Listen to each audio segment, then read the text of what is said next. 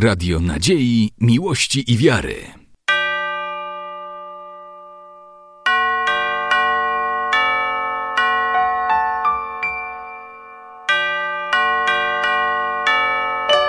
Radio Ortodoksja. Najpierw ja bym chciał zwrócić może kilka uwag na temat taki statystyczny, żeby pokazać jakie znaczenie świętość miała dla prawosławnej cerkwi, dla naszej wiary.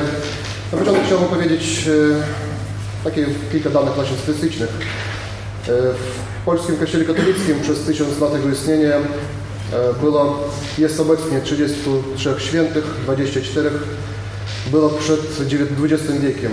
24 świętych do, przez 900 lat istnienia. Jeżeli chodzi o świętych Rusi, to przez 900 lat historii do XX wieku było kanonizowane ogólnie cerkiewnych, czyli nie lokalnych świętych, a dla modlitwy ogólnocerkiewnej 2575 przez 900 lat historii. Białoruskich świętych, czyli związanych świętych tylko z ziemiami Białorusi ówczesnej, kanonizowanych do XX wieku było 56. 56 świętych, których widzimy tutaj na ikonie.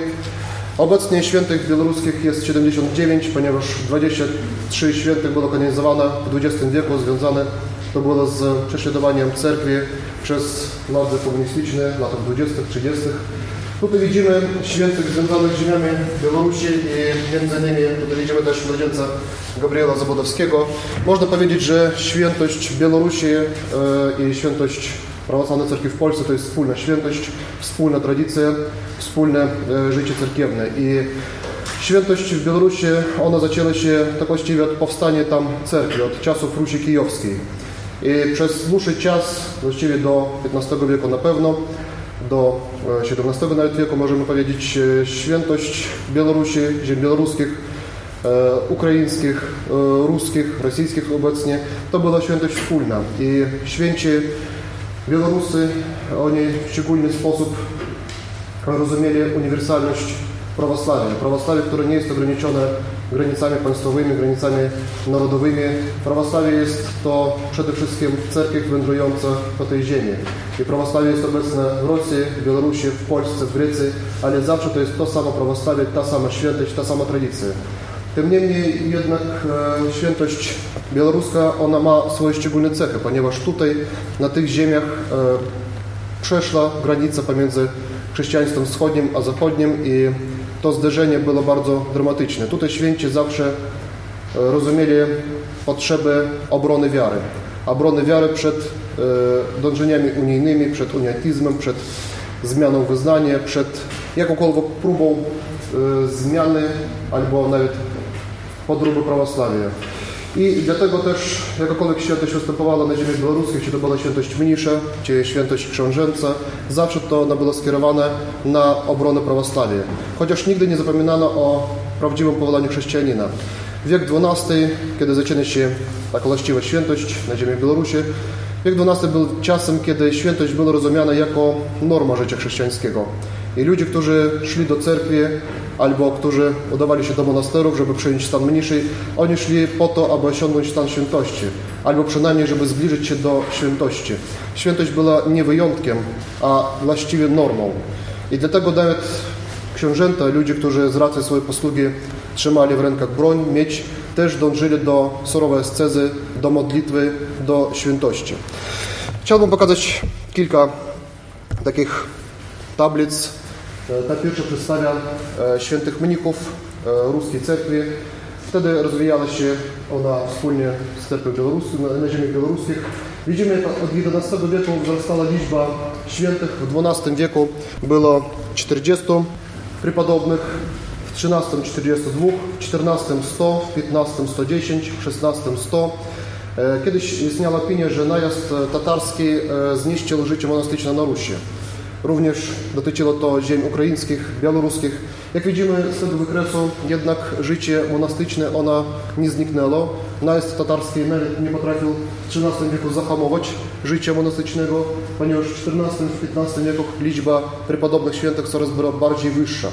Czyli najazd tatarski z jednej strony spowodował to, że byli zniszczone monastery, ale życie monastyczne nie zostało nawet powstrzymane. Rozwijało się jeszcze bardziej intensywnie. I w dużym stopniu dzięki e, ziemiom białoruskim, ponieważ najazd tatarski ominął ziemię białoruskie. W dużym stopniu e, świętość monastyczna, która rzeczywiście na Rusi Moskiewskiej została pohamowana, e, w Białorusi ona coraz bardziej wzmacniała się. Też zwraca na siebie uwagę taka wykres rysujący świętych książąt. Wiek XII-XIII, czyli wiek, kiedy widzimy najazd hord tatarskich. Wiek XIV to już spadek, ale właśnie w tych wiekach XIII, XII, XIII, XIV były nie tylko najazdy hord tatarskich, ale również bardzo intensywne działanie e, kawalerów mieczowych w Liwonii, czyli e, odlam e, zakonu krzyżaków, który próbował schrzeszczenizować Ruś Nowogrodzką, Skowską. E, też e, życie jednego z tych książąt świętych, e, którego dzisiaj przedstawię Państwu, było związane nie z walką z Tatarami, a z walką właśnie z tymi kawalerami mieczowymi, z krzyżakami północnymi, tak można powiedzieć. Ponieważ na Rusi bardzo wcześnie rozpoznano, że niewola tatarska jest to o wiele mniejszą szkodą, ponieważ Tatarzy nigdy nie dążyli do tego, żeby nawrócić Rusinów na swoją wiarę a do tego dążyli właśnie rycerze zachodni. Tatarzy chociaż przyjęli islam, jednak e, nikogo nie próbowali na islam nawracać i pomiędzy niewolą polityczną a duchową Rusini zgodzili się przyjąć niewolą e, polityczną, a nie walczyć o e, wolność duchową.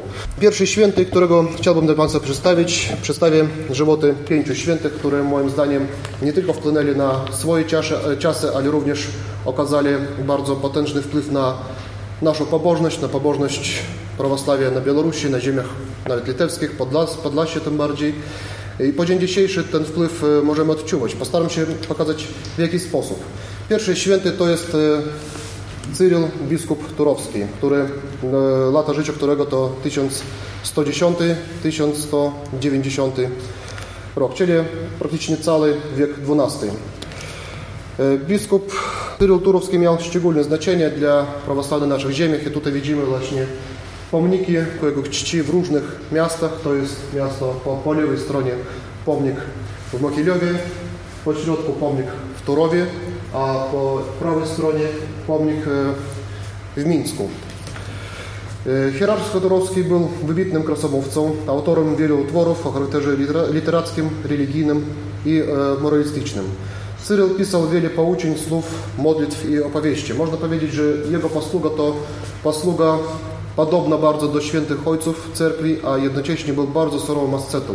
Jego wysiłek ascetyczny on może porównywać się z takimi e, ludźmi świętymi jak e, Jan z Damaszku, Efrem Syryjczyk. I Efrem Syryjczyk właściwie miał bardzo duży wpływ na e, osobowość świętego Cyryla Turowskiego. Niedużo mamy wiadomości o jego E, latach młodości, dzieciństwa. Występuje e, po śmierci księcia kijowskiego i turowskiego świętopielka II Izjasławowicza.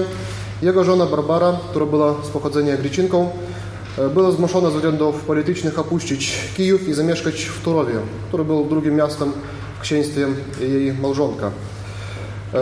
W Turowie zamieszkała wraz ze swoimi synami Izjasławem i Breczesławem i razem z nimi przeprowadziła do miasta również E, duchownych greckich, którzy byli nauczycielami jej synów. Na podstawie obecności tych greckich duchownych nauczycieli ona utworzyła pierwszą szkołę e, w Turowie, która była powołana do tego, żeby e, dać wykształcenie dla młodego pokolenia mieszkańców Turowa, dla, przede wszystkim dla elit. Ale również tam pobierali naukę i dzieci mieścian, dzieci zwykłych ludzi. Do tej szkoły trafił właśnie przyszły święty Cyryl, który był prawdopodobnie synem e, bogatego kupca i e, też potomkiem miejscowego wujara. Czasem w latach młodości święty e, właśnie uzyskał solidne wykształcenie w tej szkole. Wychowywał się w środowisku, które posługiwało się na co dzień językiem greckim, co dało mu możliwość później zapoznania się z dziełami świętych ojców w języku oryginalnym, w języku greckim. Księżna Barbara wraz z założeniem szkoły i biblioteki przy pomocy przybyłych z nią duchownych zajęła się oświatą praktycznie całego miasta, Turowa. I w szkole księżnej Barbary święty Cyryl poznał literaturę starogrecką, słowiańską, duchową literaturę. Zapoznał się z dziełami takich świętych ojców, którzy wywarli na nim szczególny, na jego osobowość szczególny wpływ. Jan Zlatousty, Grzegorz Teolog, Cyryl Aleksandryjski, Epifaniusz Cypryjski, jak już mówiłem, Efrem Syryjczyk. Cyryl zapoznał się z kulturą bizantyjską i piśmiennictwem hagiograficznym. I już jako bardzo młody człowiek poświęcił się czytaniu ksiąg i poznawaniu Pisma Świętego. Po śmierci rodziców Cyryl wstąpił do miejscowego monasteru. Tam po odbyciu nowicjatu i otrzymaniu dodatkowej edukacji złożył ślubu mniszy, przyjmując imię Cyryl. Prawdopodobnie święty Cyryl wstąpił do monasteru świętego Mikołaja w Turowie.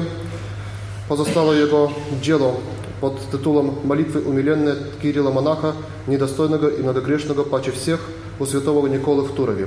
W monasterze święty Cyryl zasnął jako wybitny kaznodzieja. Tutaj jest zachowany fragment jego kazania na święto w niebostąpienie pańskiego.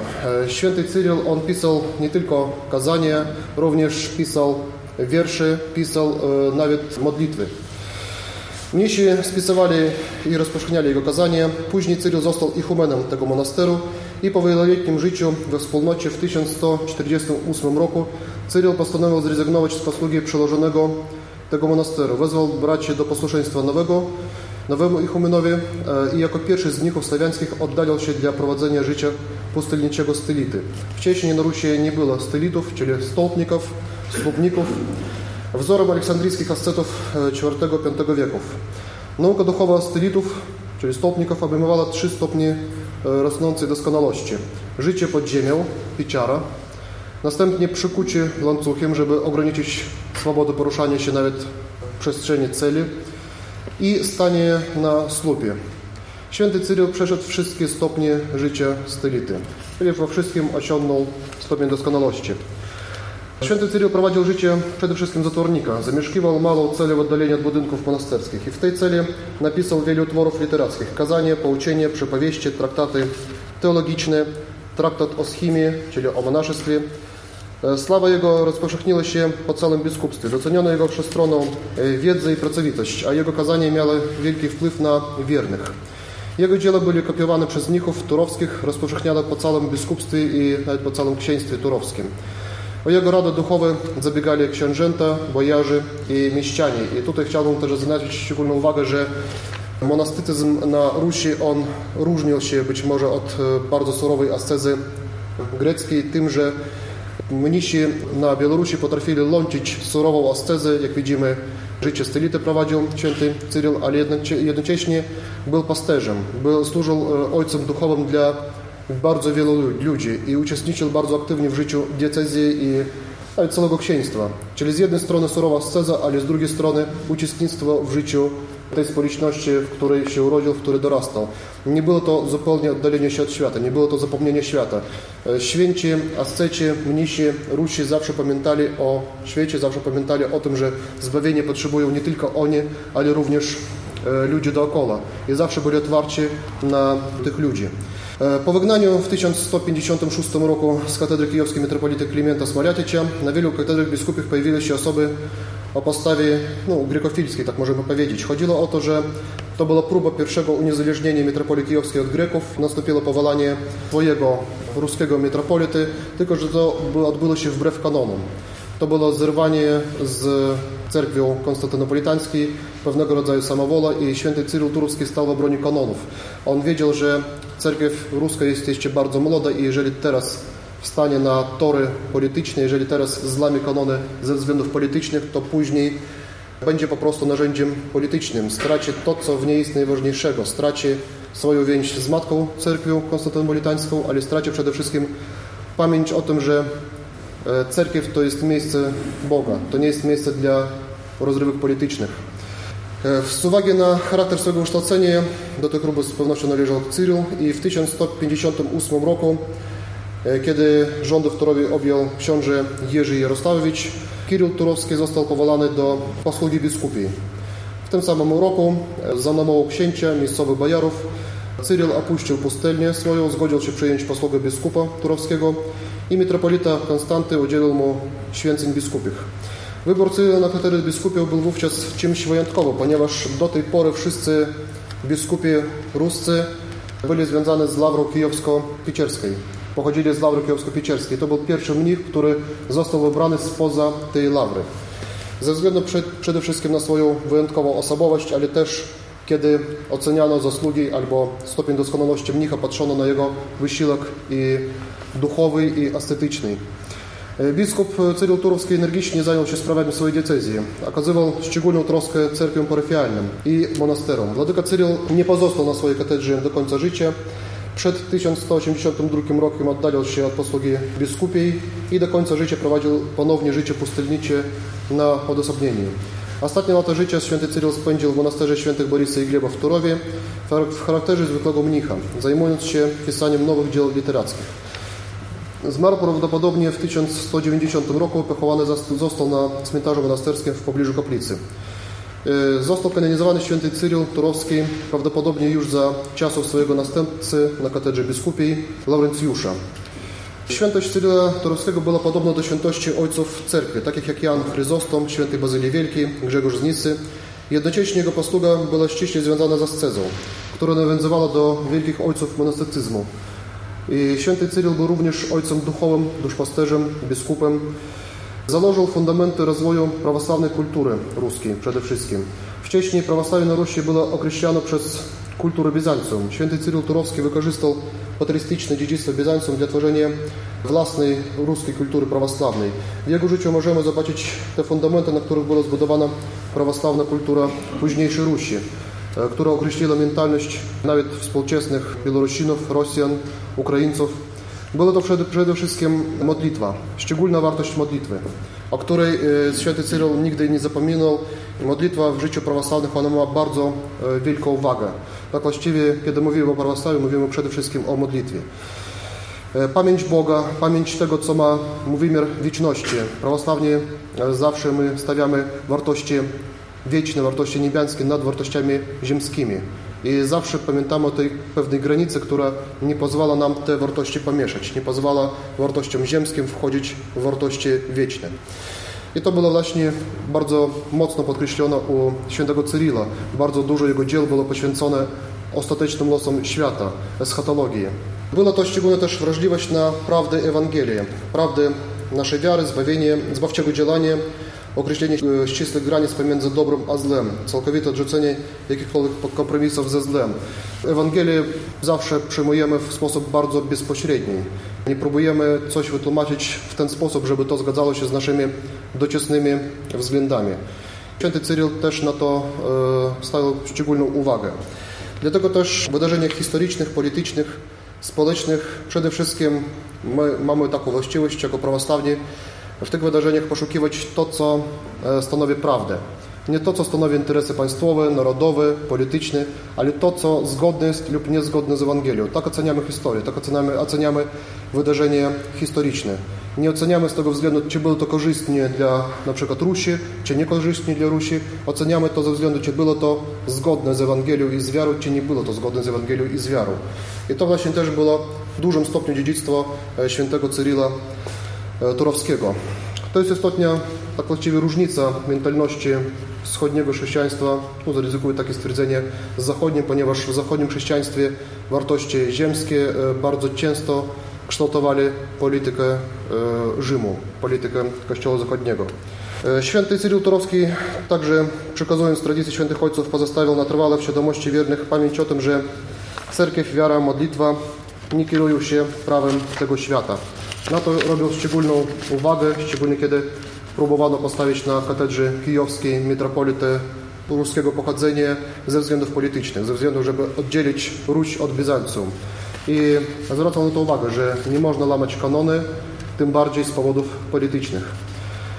Ponieważ wiara i cerkiew są niezależne od świata i mogą kształtować świat, ale na pewno świat nie będzie kształtował wiary i cerkwi. To było szczególne takie dziedzictwo świętego Cyryla.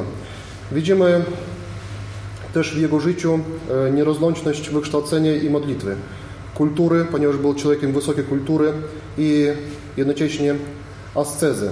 Twórczości, był człowiekiem bardzo twórczym, ale twórczość zawsze była wyrazem jego wiary. Czyli twórczość, wiara, modlitwa, kultura, asceza. I też warto zwrócić uwagę na to, że święty Cyryl był wychowankiem pierwszej szkoły w Turowie, która była otworzona dla młodych ludzi i owocem tej szkoły, która była otwarta przez księżną Barbarę, owocem tej szkoły było to, że już w pierwszym pokoleniu wychowanków tej szkoły pojawił się taki wielki święty. Czyli możemy na, tym, na tej podstawie założyć, jakie były priorytety wychowania w szkolnictwie ruskim. To było przede wszystkim zbliżenie się do prawdy Ewangelii, zgłębienie wiary, zgłębienie wiedzy o Bogu i owocem tego wszystkiego była świętość. E, owocem tej szkoły i tych pierwszych szkół na Rusi.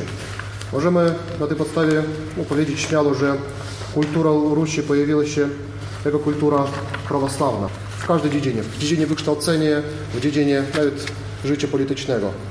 Następne święto znane dla nas wszystkich to święto Efrosinie Polocka.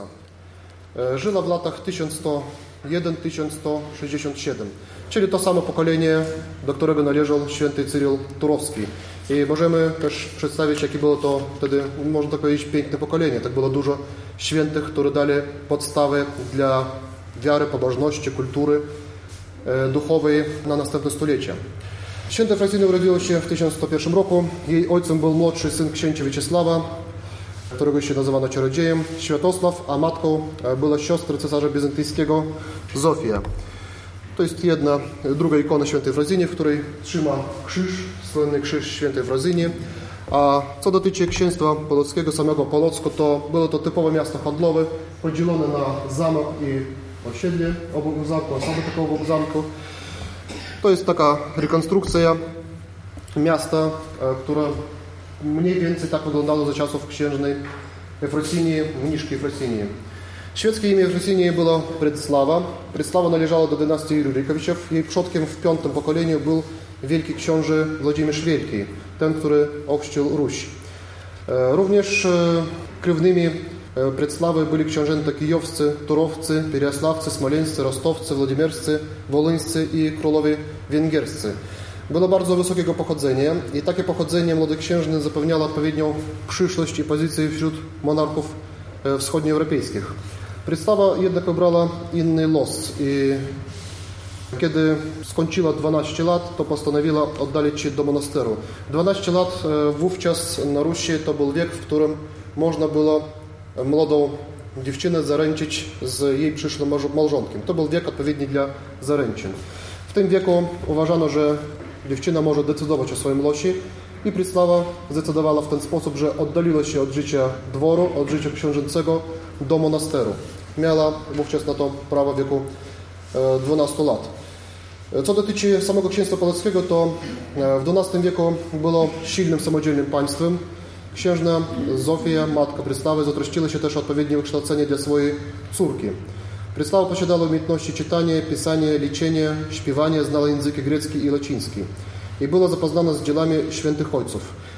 Biblia natomiast była jej stałą lekturą, a w bibliotece księżęcej Prysława zapoznała się z historią starożytności. Jej nauczycielami to byli przede wszystkim mnisi, mnisi związane z świętą górą Atos, z monasterami Studios w Konstantynopolu i z Lawrą Kijowską-Piecierską. Początkowo rodzice nie zaakceptowali jej wyboru i wtedy Prysława zwróciła się o pomoc z tym, żeby odejść do monasteru, do swojej krewnej, która była wdową po księciu Romanie Wsieslawowiciu i która była przełożoną jednego z monasterów w Polocku. Na początku, obawiając się gniewu księcia, ona próbowała nakłonić Prysławę do zmiany decyzji, do powrotu do, do domu rodziców, lecz później przyjęła ją do monasteru i po kilku latach Prysława przyjęła stan mniszej, przyjmując jednocześnie imię Ewrosynie. W 1116 roku Ewrosynia zamieszkała w krypcie Soboru Sofijskiego w niedużej celi. Czyli w wieku 15 lat już prowadziła życie mniszki i zamieszkiwała w samotnej celi, poświęcając się modlitwie i ascezie. Zajmowała się przede wszystkim jej główną posługą było przepisywanie ksiąg. Wówczas ta praca była uważana za pracę dla odpowiednią dla, bardziej dla mężczyzn. I można powiedzieć, że była chyba pierwszą na Rusi kobietą, mniszką, która zajmowała się przepisywaniem rękopisów. Zajmowała się również tłumaczeniem z greckiego na język ruski najbardziej znanych dzieł świętych ojców. Te księgi sprzedawała, a uzyskane ze sprzedaży ksiąg środki byli przeznaczone na działalność charytatywną. Wszystko rozdawała dla potrzebujących, dla biednych. W 1124 roku we wsi Sielco koło Polocka staraniem świętej Fracini powolono Spaski monaster pod wezwaniem przemienienia pańskiego. Po kilku latach świętej Fracinie powołała również męski monastyr pod wezwaniem Bogorodzicy w Polocku. I ustawy życia mniejszego do tych dwóch monasterów były napisane własnoręcznie przez świętą Efrosinię. Czyli tutaj też widzimy, że zatroszczyliście nie tylko o to, żeby powołać monaster, w którym mogłaby rozwijać swoją działalność jako przełożona, ale również zatroszczyliście o to, żeby w Polocku było wzmocnione życie monastyczne męskie, żeby powstał silny męski monaster. Zatroszczyło się nawet o to, żeby spisać dla niego regułę. Reguła ta nie była jej wymysłem, ona była dostosowana do warunków Rusi, ale to była przede wszystkim reguła świętego Bazylego Wielkiego. W powołanych też przez siebie monasterach polockich w Rosinie otworzyła skryptoria, czyli pracownie, w których przypisywano księgi, księgi i pracownie dla tłumaczenia tych ksiąg. Posługa cerkiewnej w Rosinie stała się przykładem dla całej rodziny książąt polockich. W 1128 roku młodsza siostra świętej Frasini Greclawa złożyła ślubomniejszy w Spaskom monasterze, w tym monasterze, który został zbudowany przez świętą Frasinię i przyjęła imię Ewdokija. W tym samym roku księżna Zwinisława, kuzynka świętej Frasini, przyjęła stan niższej z imieniem Eupraksia i wszyscy oni, wszystkie oni byli w jednym monasterze w Sielcach. Wkrótce Ewrasinie została przełożoną pasu Ewrasińskiego monasteru. W monasterze otworzono szkołę, której uczono dzieci gramacie, czytania, śpiewu cerkiewnego oraz innym naukom. Staraniem Efrasini w 1132 roku w monasterze zbudowano murowaną świątynię pod wezwaniem Przemienienia Pańskiego, która zachowała się po pewnych zmianach po dzień dzisiejszy i w tej świątyni też zachowały się po dzień dzisiejszy piękne freski. Freski, które powstały jeszcze za życia świętej Frasyni.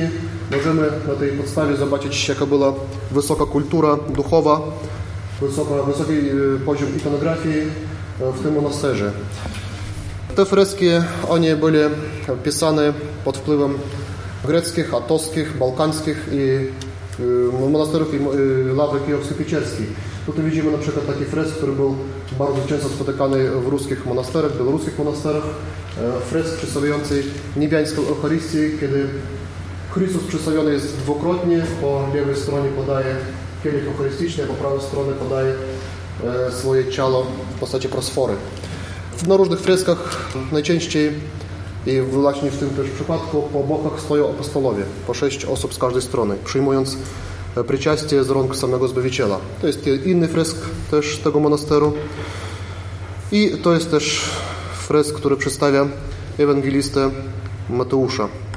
Też święte Fracinie zatroszczyło się o to, żeby do tego monasteru przywieziono z Bizancjum kopię ikony Bogorodzicy od Egetry Efeskiej. Ikona została sprowadzona z Konstantynopola, podobnie jak inne relikwie sprowadzone z Bizancjum w 1161 roku.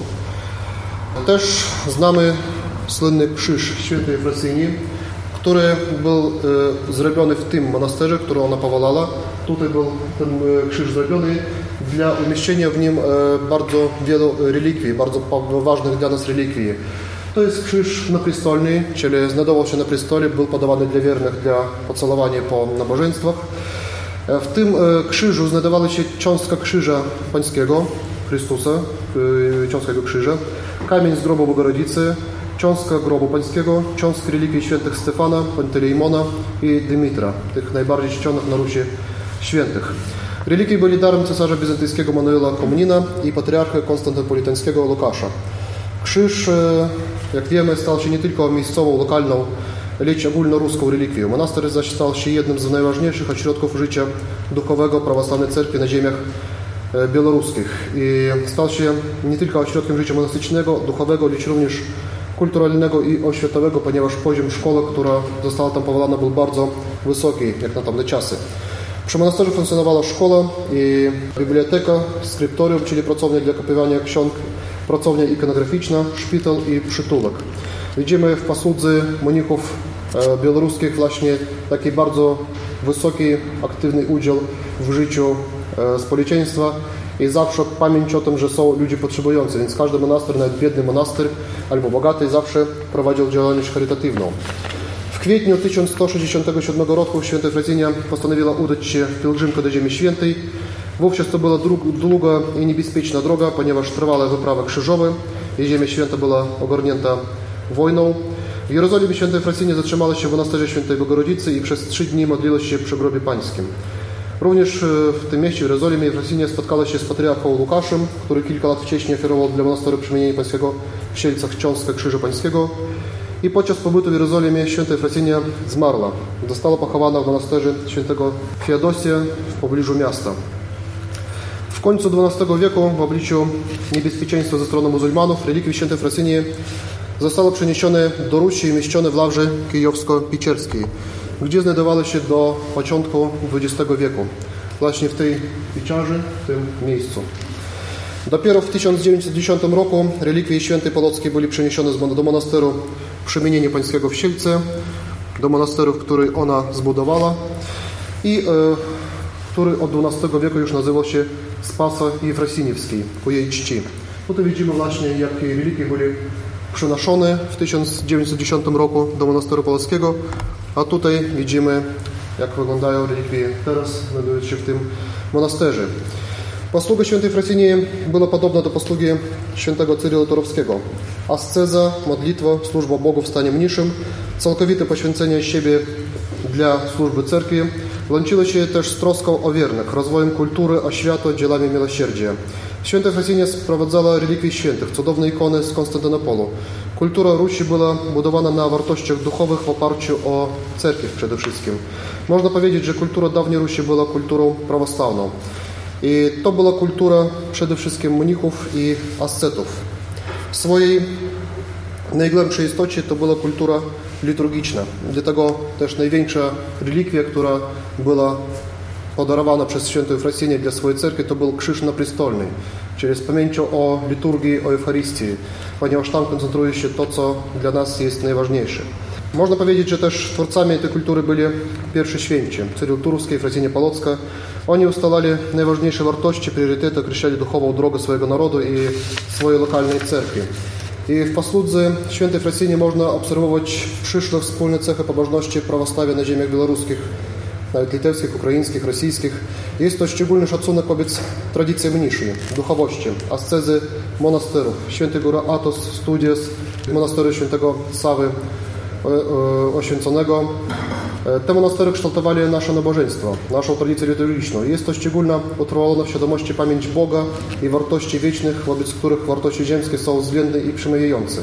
Też dzięki Efrosynii Polockiej w nas po dzień dzisiejszy, myślę w dużym stopniu dzięki jej wysiłkom, wykształtowała się taka, taki szczególny szacunek do relikwii, do cząstek relikwii świętych, do cudownych ikon, cudownych obrazów, ponieważ wtedy to były początki oddawanie szczególnie czci ikonom i świętym relikwiom i to była w dużym stopniu zasługa takich świętych jak Efrasynia Polocka. Myślę, że dla nas szczególnie to ona pozostawiła szacunek do relikwii, szacunek do świętości.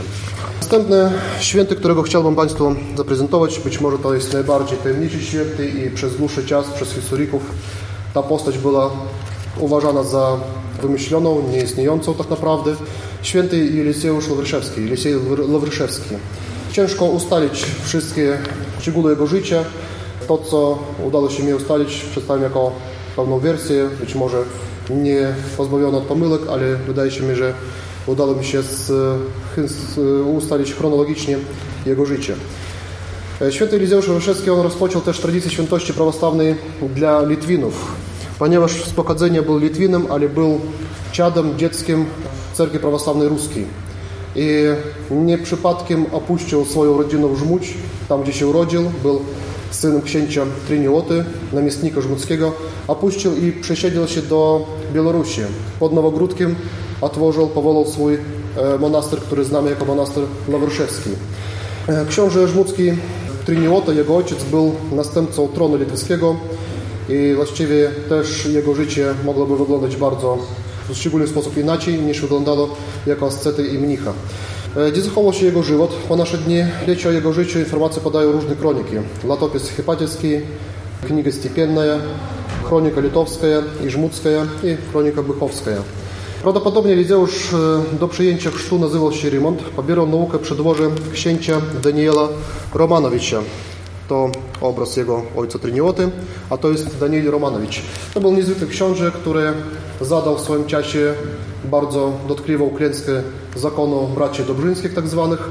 Wtedy była taka tendencja na Prusy byli sprowadzone krzyżacy, którzy mieli chrześcijanizować Prusy i Litwę, a do Drugicina, niedaleko tego miejsca, w którym ja noszę, poniosę swoją, niosę swoją posługę, niedaleko Milnika, w Drugicinie rezydencję mieli bracia Dobrzyńscy. Ich zadanie było chrześcijanizować Ruś. W jaki sposób możemy obserwować historię zakonu krzyżaków? W taki sam sposób, jak oni chrześcijanizowali Prusy Wschodnie i Litwę, w taki sam sposób miała być chrześcijanizowana Ruś przez zakon braci Dobrzyńskich.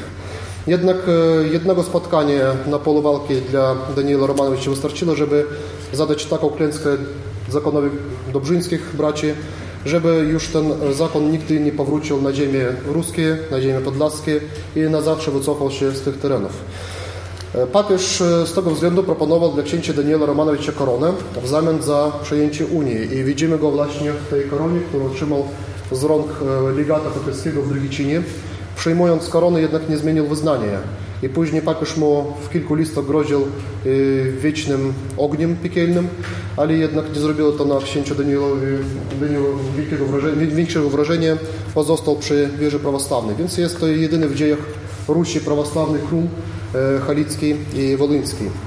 Tutaj właśnie pobierał przy jego dworze naukę przyszły święty Jelisej. Również zapoznał się z księciem Mścisławem Udalem, który był dziadkiem świętego Aleksandra Niewskiego. Więc widzimy, jak dużo było wtedy świętych książąt. Był to też ciężki okres wojen feudalnych, najazdów tatarskich, ekspansji węgierskiej, zabiegów unijnych ze strony Rzymu. Danielowi udało się jednak zjednoczyć Wołyń, zbudować potężne księstwo halicko-wolyńskie, które sięgało na północy do ziem litewskich, a jednocześnie był to okres też rozkwitu cerkwi prawosławnej, budowy nowych świątyń, monasterów, powołania nowych diecezji. Rymont zapoznał się z prawosławną kulturą i duchowością, zbliżył się z duchownymi, poznał nauki wiary chrześcijańskiej i wszystko to spowodowało zwrócenie się młodego księcia rzymskiego do Chrystusa i Jego Ewangelii w sposób najbardziej właściwy dla wschodniej prawosławnej świętości, czyli strony życia monastycznego. Chrzest przyszły święty przyjął na Rusi podczas swojej nauki i zwrócił, wrócił do państwa litewskiego już jako prawosławny chrześcijanin. Podczas chrztu książę Rymont przyjął chrześcijańskie imię Laurencjusz. Był to początek duchowej drogi świętego Elizeusza ku życiu mniejszemu i tuż po chrzcie postanowił pozostać ziemską chwałę, władzę albo poświęcić, aby poświęcić życie Bogu. Po powrocie na Litwę młody książę zwrócił się do księcia nowogródzkiego Jezesława z prośbą o wydzielenie ziemi dla budowy nowego monasteru. Jak mówiłem, postanowił opuścić swoją rodzinę, rodzinę Żmudź i przejść do ziem białoruskich, ponieważ już odczuwał duchową bliskość tej ziemi, tam gdzie było prawosławie. W 1225 roku przy drewnianej cerkwi Zaśnięcia Bogorodzicy w Puście Nadniemnym został wybudowany monaster pod tym samym wyzwaniem. Tutaj widzimy już świętego Elizeusza w szatach mniszych. Na ziemiach ruskich często monastery właśnie w tamtych czasach poświęcano ku czci Bogorodzicy. Po pewnym czasie książę Laurencjusz złożył ślubu mniszy w nowopowstałym monasterze. Nie, nie przyjął stan mniszy od razu, ponieważ chciał przejść drogę też nowicjatu, nowicjusza, posłusznika i przyjął mniszy imię Jelizeusz, Jelisej. Pomocnikiem świętego Jeliseja przy budowie monasteru był mnich Grzegorz. Więcej wiadomości o, o mnichu Grzegorzu nie posiadamy, tylko to, że pomagał budować monaster i był u początków istnienia tego monasteru. Z czasem monaster stał się ważnym ośrodkiem zakonnym w Wielkim Księstwie Litewskim. Jego znaczenie wzrosło na tyle, że otrzymał w krótkim czasie dosyć status lawry, czyli monasteru, który zajmował się duchową opieką szeregu innych monasterów w okolicy. Przez kilka lat w monasterze Lawryszewskim przybywał też syn litewskiego króla, pierwszego i ostatniego w dziejach Litwy, króla Miendoga i następca tronu Wojszuk Dawid, który podobnie do świętego Elizeusza pod wpływem nauki Ewangelii postanowił porzucić świat, pozostawiając ziemską chwałę, poświęcając swoje życie Bogu w posłudze mniejszej. Wojszuk złożył ślub mniejszy z imieniem Bazylii, niektórzy źródła podają jego imię Roman, wydaje się, że jednak Bazylii, i udał się w podróż na świętą górę Atos. Jednak ta podróż zakończyła się niepowodzeniem z powodu trwającej na Bałkanach wojny z Turkami. Po powrocie Wojszuk zatrzymał się w monasterze Lawryszewskim, w którym przebywał około trzech lat. I w ten sposób możemy powiedzieć, że w jednym monasterze przebywało dwóch następców tronu litewskiego, którzy zamiast ziemskiej władzy i chwały skierowali swoje życie na posłudze Bogu. Jednak święty Wojszuk nie utrzymał się w monasterze. W 1263 roku król Mendok został zamordowany w wyniku spisku książąt litewskich i W spisku brał również udział ojciec świętego Jelisieja, książę żmuski Triniota. On niestety nie przyjął prawosławie, pozostał poganinem. E, Wojszek pozostawił monaster i wziął udział w walce o władzę na Litwie, e, w wyniku której książę Triniota zginął. Po trzech latach panowania Wojszek przekazał władzę dla, na Litwie dla księcia chełmskiego Szwarna Danilowicza, syna księcia Daniela Romanowicza i powrócił do monasteru. Jednak uwikłany w wal, walki polityczne został później otruty e, w 1277 roku. Elisiusza, Elisieja spotkał jednak inny los. On nie pozostawił życia mniejszego po śmierci swojego ojca, kiedy był jednym z kandydatów na tron litewski. Nie włączył się w walkę polityczną na Litwie. Do końca swojego życia święty Elizeusz nie opuścił monasteru i zbudował ten monaster właśnie, żeby służyć Bogu i poświęcić swoje życie modlitwie i ascezie, żeby upodobnić się do wielkich świętych swoich czasów. A w jego czasów my znamy takich świętych jak Jefrem Smoleński, Antoni Dymski na północy, Akindin, i Ichumen Pieczerski i święty Awrami Smoleński, którzy dawali swoje świadectwo mniejszej świętości w tamtych czasów. Co dotyczy samego monasteru, to pozostawiał ten monaster po sobie w późniejszych czasach słynne Ewangelie Lawryszewskie, które wywarło ogromny wpływ na kulturę i świadomość prawosławnych mieszkańców Białorusi, Wielkiego Księstwa Litewskiego. Święty Eliseusz zmarł w drugiej połowie XIII wieku. Okoliczności jego śmierci dokładnie nie są znane, nie znamy nawet dokładnego roku jego śmierci. Prawdopodobnie to był rok 1250 i śmierć świętego Elizeusza była przedwczesna. Nie zmarł z powodu starości, tylko zmarł wcześniej, być może z powodu choroby. Źródła podają różne informacje, ale zawsze podają informacje o cudownych uzdrowieniach przy relikwiach świętego tuż po jego śmierci praktycznie. Są dane o uzdrowieniu opętanego, który został uwolniony od złego ducha w chwili, kiedy przypadkiem dotknął relikwii świętego Elizeusza. Kolejny cud miał miejsce w 1505 roku, kiedy okolice Nowogródku zostały spustoszone przez Tatarów i Tatarzy też chcieli zaatakować monaster, lecz bali się zbliżyć, ponieważ widzieli ogromne wojsko, które otaczało monaster. Wydawało się, że to była wyborowa gwiazda litewska, ale w monasterze nie było ani jednego żołnierza. Ten sposób monaster został uchroniony przed zniszczeniem. W 1514 roku doprowadzono do kanonizacji świętego Elisieja Lawryszewskiego i kanonizacja, tutaj widzimy właśnie tę gramatę kanonizacyjną, była doprowadzona przez biskupa smoleńskiego Józefa Sultana. To właśnie ten biskup, który za czasów swoich rządów, jeszcze będąc biskupem smoleńskim, powołał monaster w Supraśniu. I właśnie ten biskup też doprowadził do kanonizacji świętego Jelisieja Lawryszewskiego.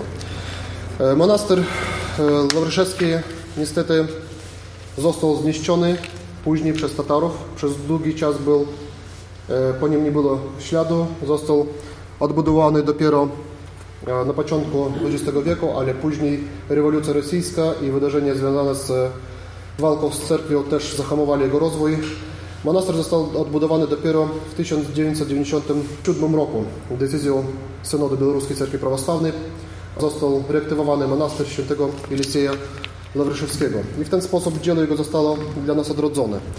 Co możemy powiedzieć o wpływie świętego Elisieja na nas, na naszą pobożność?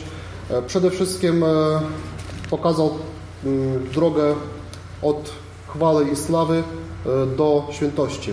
Pokazał tą wartość, wartości ziemskich, pokazał to, że świętość jest i normą, i powolaniem każdego chrześcijanina. I w imię tej świętości porzucił nie tylko możliwość zostać następcą tronu litewskiego, porzucił nawet swoją ojczyznę, porzucił swoją rodzinną żmudź, porzucił swoją rodzinę, oddalił się, ponieważ wiedział, że tam w pogańskim otoczeniu nie będzie mógł oddać się w całości życiu mniejszemu. Oddalił się, poszedł do obcej ziemi, ale ta obca ziemia, Białoruś dla niego nie była obcą ziemią, ponieważ tam było prawosławie. Tam była jego wiara, tam była jego kultura, do której przystąpił. I też widzimy w jego życiu taką chęć podążania za Chrystusem od chwili, kiedy zapoznał się z Ewangelią, zapoznał się z prawosławiem, od razu przyjmując chrzest już wiedział, że będzie mnichem. I dla nas to jest taka nauka, to, że wszędzie jest nasza ojczyzna, gdzie jest cerkiew, wszędzie jest nasza ziemia, gdzie jest prawosławie. To było udowodnione w życiu świętego Elisieja. A tutaj widzimy właśnie odbudowany monaster, budynek monasterski, na poprzednim zdjęciu była cerkiew. Monastyr wzrasta i wraca do życia. Tutaj możemy przytoczyć też słowa Chrystusa, które szczególnie zapadły w świadomość świętego Eliseja. Jeśli chcesz być doskonały, idź sprzedaj, co posiadasz, daj biednym, a będziesz miał skarb w niebiosach, a potem idź w ślad za mną. Tak postanowił też święty Elisej i takie dał świadectwo dla ówczesnych i też dla nas dał świadectwo, że Litwa zapoznała się z chrześcijaństwem nie tylko wtedy, kiedy pojawił się Jagiello, a o wiele wcześniej i na tyle wcześniej, że zanim Jagiello sprowadził obrządek łaciński na ziemię litewskie, tam już było sześciu kanonizowanych prawosławnych świętych pochodzenia litewskiego, ale zapoznanych z prawosławiem na Białorusi, przez Białoruś. Białoruś promieniowała i głosiła słowo Ewangelii w ten sposób, że dawała dla ziem litewskich świętych. To, że później Litwa nie do końca usłyszała ten głos, nie zmienia tego faktu, że pozostawiła jednak świętych jako owoc białoruskiej prawosławnej wiary. Następny święty to właśnie też pochodzenie litewskiego, święty Dągmut Tymoteusz, książę Nelszański, Wschowski.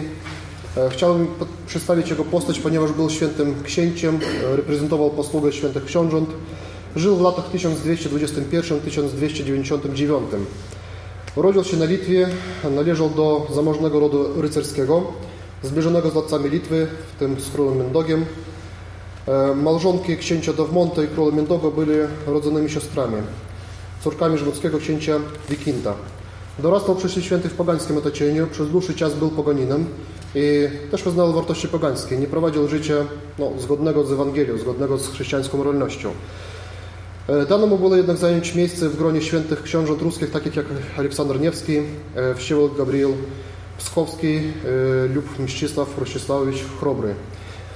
Byli to książęta bohaterowie, których posługa polegała przede wszystkim na tym, żeby bronić ruską ziemię prawosławną wiarę. Nie tyle nawet ziemię, ile wiarę.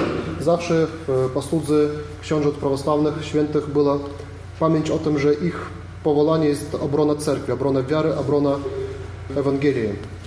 I nawet jeżeli kosztem tego trzeba było oddać swoje życie. Też tych świętych prawosławnych, które my mamy, oni ponosili swoją posługę w księstwach nowogorodzkim i pskowskim, czyli w księstwach, których władza Wielkiego Księcia była bardzo ograniczona. Nie mieli tam dużo władzy, ale o tym trochę później.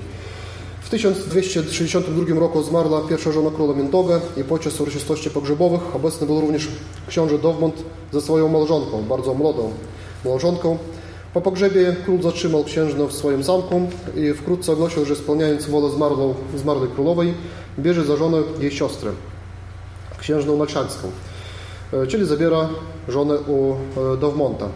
Było to zgodne z pogańskimi zwyczajami litewskimi, ponieważ rok wcześniej król litewski zrzekł się chrześcijaństwa, był ochrzczony w obrządku łacińskim, ale porzucił chrześcijaństwo i powrócił do pogaństwa. To było bardzo wielkim poniżeniem dla księcia Dowmonta. Nie miał jednak dosyć siły, żeby przeciwstawić się Mendogowi. Król Mendog był bardzo ostrym władcą, bardzo czasami przesadzał z siłą, ale właśnie w ten sposób utrzymał władzę na Litwie. Pozornie Dowmont pogodził się z taką decyzją króla Mendoga, ale zawarł wszedł spisek książąt litewskich przeciwko Mendogowi. Dużo książąt litewskich nie było zadowolonych z rządów Mendoga właśnie z powodu jego despotycznego charakteru.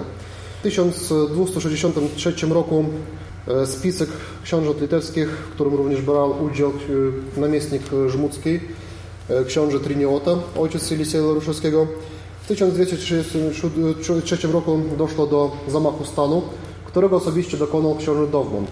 Podczas wyprawy na Brańsk książę Dowmont ze swoim oddziałem zawrócił i e, w nocy niespodziewanie zaatakował zamek króla Mendoga. E, osobiście zamordował króla i dwóch jego nieletnich synów. Ostatnimi słowami Dowmonta, mm, możemy powiedzieć, tak byli burzliwy jesteś książę. Powiedział to po słowiańsku, garячty ty kniaź. Tak, takie były ostatnie słowa księcia, króla, przepraszam, Mendoga. Po zabójstwie Mendoga władzę na Litwie przejął książę żmudzki Triniota, ale jego rządy nie trwali długo, ponieważ wybuchła krwawa wojna o tron. W tej wojnie dochodziło do bratobójstwa. Książę Triniota zamordował własnego brata. W tej wojnie Wojszuk, jak już wiemy, syn Mendoga porzucił monastyr, żeby włączyć się do tej wojny. Nie będę długo zatrzymywać się. Powiem tylko, że to w wyniku tej wojny Spiskowcy przegrali, e, tron objął e, następca tronu, syn Mindoga Wojszylk, a książę Dowmont musiał opuścić Litwę, opuścić swoje księstwo nalszańskie i udał się do Pskowu. Tutaj widzimy, jak wyglądał właściwie Psków w tamtych czasach. Było to miasto handlowe, była to twierdza, ale to, co widzimy na rysunku, było tam bardzo dużo cerkwi, ponieważ w mieście była bardzo mocno zakorzeniona prawosławna kultura. E, Od 1265 roku książę Dowmont zamieszkał w Pskowie i książę pskowski Światosław Jarosławicz zaproponował przybyszom przyjąć wiarę prawosławną i chrzest.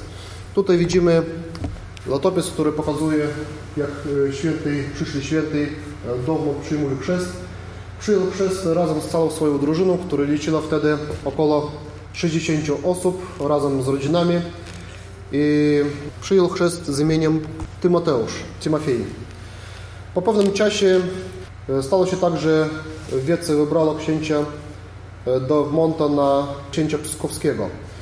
E, Również latopis mówi, opisuje okoliczności chrztu w taki sposób, że podczas chrztu otrzymał wielki dar od Boga i zeszła na niego laska, blagodać e, Boga na księcia Dowmonta. Myślę, że pierwszą, pierwszym darem od Boga to była pokuta. Książę Dowmont bardzo ostro wtedy przeżył e, stan pokuty. E, Zrozumiał swój grzech, mord, zamordowanie księcia władcy Litwy, zamordowanie jego nieletnich synów. Bardzo ostro to przeżył i postanowił całe swoje życie poświęcić pokucie, odpokutowaniu za te swoje grzechy. W ten sposób, że postanowił nawet nie pobierać, żeby nie zawierać nowy związek małżeński, proponowano mu wtedy ożenić się. Zrezygnował wtedy, ponieważ uważał siebie za niegodnego człowieka, żeby móc wychowywać dzieci i żyć w małżeństwie po tym, co dokonał. Tym niemniej wybrano go na księcia w 1266 roku, czyli rok po jego chrzcie. Wybrano go na księcia pskowskiego. E, Najwyższą władzą e, w Pskowie wtedy posiadano wiece. Książę to był raczej E, raczej była to posługa e, taka drugorzędna. Książę był przywódcą wojskowym miasta, jego posługą, jego zadaniem było bronić miasta, troszczyć o bezpieczeństwo e, księstwa, ale nie posiadał żadnej władzy. Czyli to była przede wszystkim posługa, służba. I tym niemniej książę pełnił swoją posługę w ten sposób, że przez 33 lata co roku jego ponownie wybierano księciem i nigdy nie było żadnej sytuacji konfliktowej z wiecem. Zawsze słuchał ludu, zawsze spełniał prośby ludzi, zawsze był sprawiedliwym sędzią, ponieważ jako książę też pełniał funkcje sędzi, sędziowskie i prowadził swoją posługę w ten sposób, pełnił swoją posługę w ten sposób, że przez 33 lata do samej swojej śmierci był rokrocznie wybierany na księcia Skowa. Tutaj widzimy, na czym polegała jego posługa. Od chrztu po lewej stronie, tutaj widzimy jego liczne wyprawy, e, starcia, e, wojny, które musiał prowadzić ze względu na swoją posługę, obronę Pskowu przed najazdami e, rycerzy liwońskich. Tutaj widzimy to, jak wybierał się do, no, wybierał się na wojnę. Zawsze przychodził do cerkwi, zawsze kładł swój miecz przed prestolem, przed e, e, ołtarzem, modlił się z całą swoją drużyną, dopiero później wyruszał w drogę. Zawsze po, e, po tym, jak po wojnie, po kolejnej wyprawie wracał z e, zwycięstwem, wtedy budował cerkiew w podziękowanie Bogu i w świadectwo tego, że jego zwycięstwo to nie było jego zwycięstwo, tylko zwycięstwo, które było błogosławione przez Boga, przy- przez e, Jezusa Chrystusa. To był też trudny czas, ponieważ cała Ruś oprócz Pskowa i Nowogrodu była już wtedy zniszczona przez Tatarów.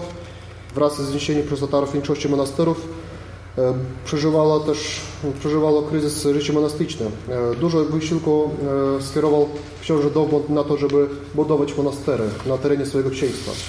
W 1268 roku, czyli dwa lata po wybraniu na księcia, Dowmont wziął udział w wyprawie księcia Dmitra Aleksandrowicza Dońskiego na ziemię zakonu kawalerów mieczowych. Po zwycięstwie ruskich wojsk w bitwie przy zamku Rakwery, to było słynne zwycięstwo, książę Dowmont wyruszył w głąb ziemi zakonu, docierając do wybrzeża Morza Bałtyckiego. W następnym roku, wojny trwali nieustannie niestety, książę wytrzymał 10 dni oblężenia Pskowa przez wojsko rycerskie i następnie wygnał rycerzy przy pomocy wojska nowogrodzkiego. Najazdy wojsk zakonu kawalerów mieczowych nie ustawały i w 1271 roku duży oddział rycerzy rozgrabił przygraniczne miasteczka i ruszył z powrotu zabierając wielu jeńców. Tutaj była słynna wyprawa księcia Dowmonta, kiedy ruszył w pościg z oddziałem liczącym tylko 60 żołnierzy. Nie mógł czekać na pomoc od Nowogrodu, ponieważ rycerze zabrali bardzo dużo jeńców i ruszyli w swoje ziemię. Zadał wtedy e, niemieckim e, rycerzom dotkliwą klęskę, chociaż oddział rycerzy niemieckich liczył kilkaset osób, około 500 rycerzy e, i jeszcze do tego służba. Mając 60 żołnierzy, książę Dowmont jednak zadał im dotkliwą klęskę. Uwolnił wszystkich jeńców, odbił wszystkie relikwie, ikony, które były zabrane przez Niemcy i wrócił do Pskowu. W 1272 roku, 8 czerwca, w dniu liturgicznej pamięci świętego Teodora Stratielata, książę Dowmont zadał kolejną klęskę oddziałem niemieckim, którymi dowodził osobiście magister zakonu kawalerów mieczowych. I w podziękowaniu Bogu za odniesione zwycięstwa książę Dowmont fundował Pskowie cerkwię pod wezwaniem świętego Timofeja, świętego Jerzego Zwycięzcy i świętego Teodora Stratielata. Dowmont również wzmocnił ściany obronne, fortyfikacje i miasta, przemieniając Pskow w twierdzenie do zdobycia. Właśnie widzimy tą ścianę, która po dzień dzisiejszy nazywa się Dowmontowa ściana, ściana Dowmonta, ściana Dowmonta. W latach 70. i 90. XIII wieku książę Dowmont wspierał książę Władimierskich Dimitra i Andrzeja Aleksandrowiczów w podejmowanych przez nich próbach scalenia księstw ruskich w jeden organizm państwowy. Wiedział, że tylko w ten sposób można uporać się z jarzmem tatarskim z jednej strony i z próbami unijnymi, które nie ustawali ze strony kawalerów mieczowych z drugiej strony. W tym samym roku książę Dowmont po długich namowach ze strony swoich doradców poślubił córkę księcia Dymitra Marię, która była również wnuczką świętego Aleksandra Niewskiego. Widzimy tutaj właśnie ikonę Bogorodzicy, pokrowa z jednej strony książę Dowmont, Timofej, a z drugiej strony jego e, małżonka, która po jego śmierci przyjęła stan mniejszy z imieniem Marta i widzimy na tej ikonie właśnie to święte małżeństwo. Timofej, Dowmont, książę po lewej stronie i Inekinia, mniszka Marfa po drugiej stronie, która była jego małżonką. E, po jego śmierci przez 18 lat swojego życia, ostatnie 18 lat swojego życia e, Marfa spędzała w monasterze, w surowej ascezie i w poście, w modlitwie i osiągnęła stan świętości. Zmarła w 1317 roku i dołączyła do, dołączyła do świętych prawosławnych obok swojego świętego małżonka.